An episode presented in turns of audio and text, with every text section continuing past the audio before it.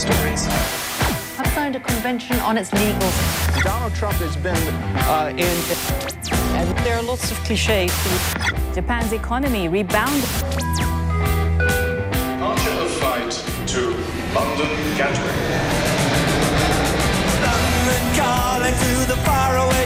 John Carlin, bon dia. Buen día, Roger. Què tal, John? Me está explotando la cabeza. Per què?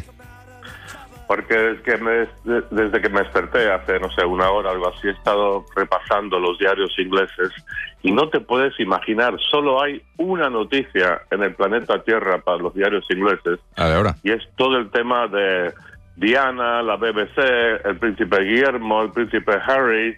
Em, es, es- es- todos los columnistas opinan solo sobre esto. O sea, el Times de Londres hoy tiene como 12 historias sobre este tema.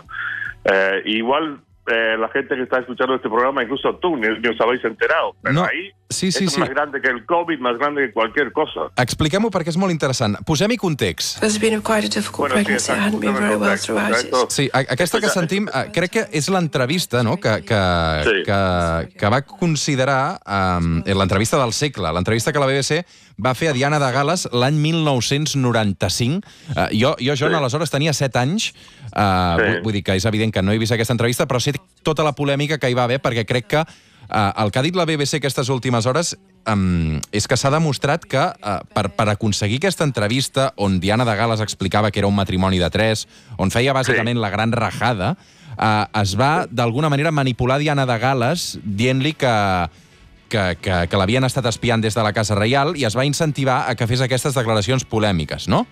Ahí está, lo has puesto en perfecto contexto, Roger. Sí, no, esta historia, esta entrevista famosa con Diana, mira, yo estaba en Washington en ese momento, no vi en directo, pero vi extractos, me acuerdo, en la que sí, que dijo que había tres personas en este matrimonio, se habla del, de, de la relación que estaba teniendo su marido Carlos con su actual esposa Camila, también ella confesó que había estado enamorado de, de otro, de un eh, coronel del ejército, James Hewitt, eh, dijo que estaba tomando muchas pastillas, estaba deprimida. Bueno, fue todo, fue algo tremendo en la historia de la familia real, siempre tan discreta, hasta ese momento todo explotó con, con Diana.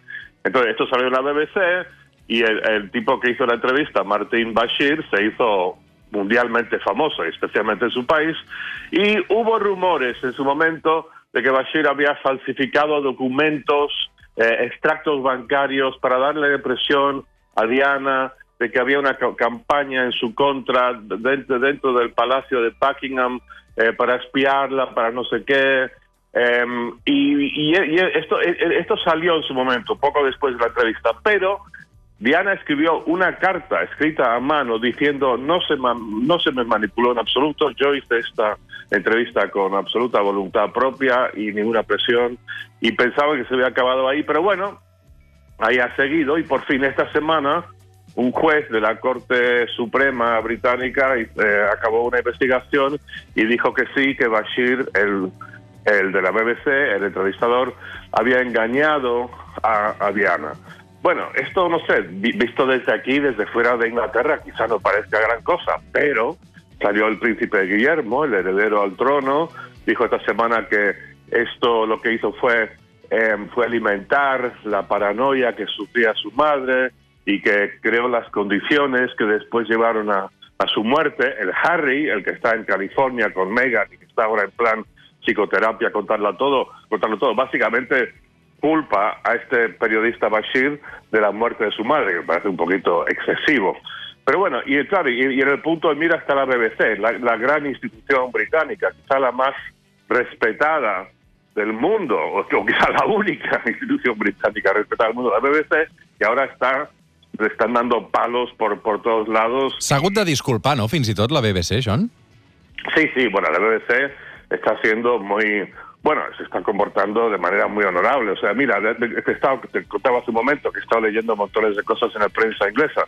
Pues el artículo que me pareció más serio, más frío, más bien contado, más honesto, fue uno que leí en la página web de la BBC. O sea, están, están confesando, están haciendo sus mea culpas eh, absolutamente, están, están aceptando que, que se hizo mal, pero bueno, también fue hace 27, bueno, no, 26, 27 años la entrevista.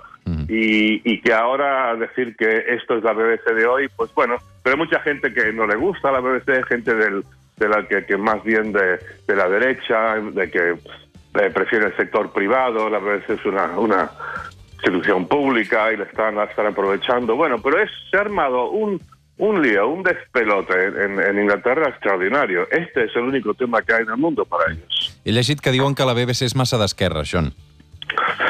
Ay, sí, pues esto, esto dicen, sí, sí, sí, que tiene una tendencia, por ejemplo, dijeron que era em, anti-Brexit, aunque yo vi montones de programas cuando yo estaba en, en Londres durante todo el tema del Brexit y yo pensaba que no estaban nada a favor del Brexit, más bien, de- de- que, que estaban más bien a favor que en contra.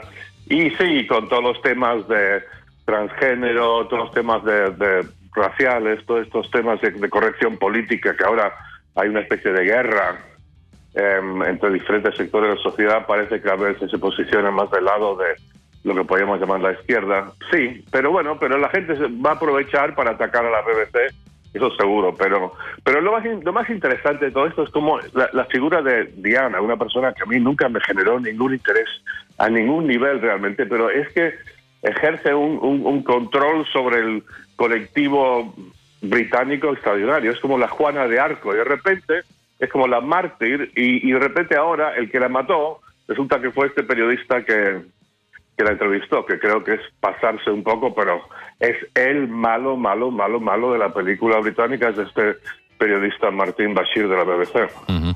Una història, la de Diana de Gales, que eh, després de molts, molts anys de, de la seva mort eh, continua omplint diaris i tabloides. John Carlin, bon dissabte, que tinguis eh, un bon dissabte. Una abraçada, saludem Igualment, el cap de setmana que ve, que vagi bé. Arribem fins a les 9 del matí amb Days, d'un grup que es diu Television. Fins ara.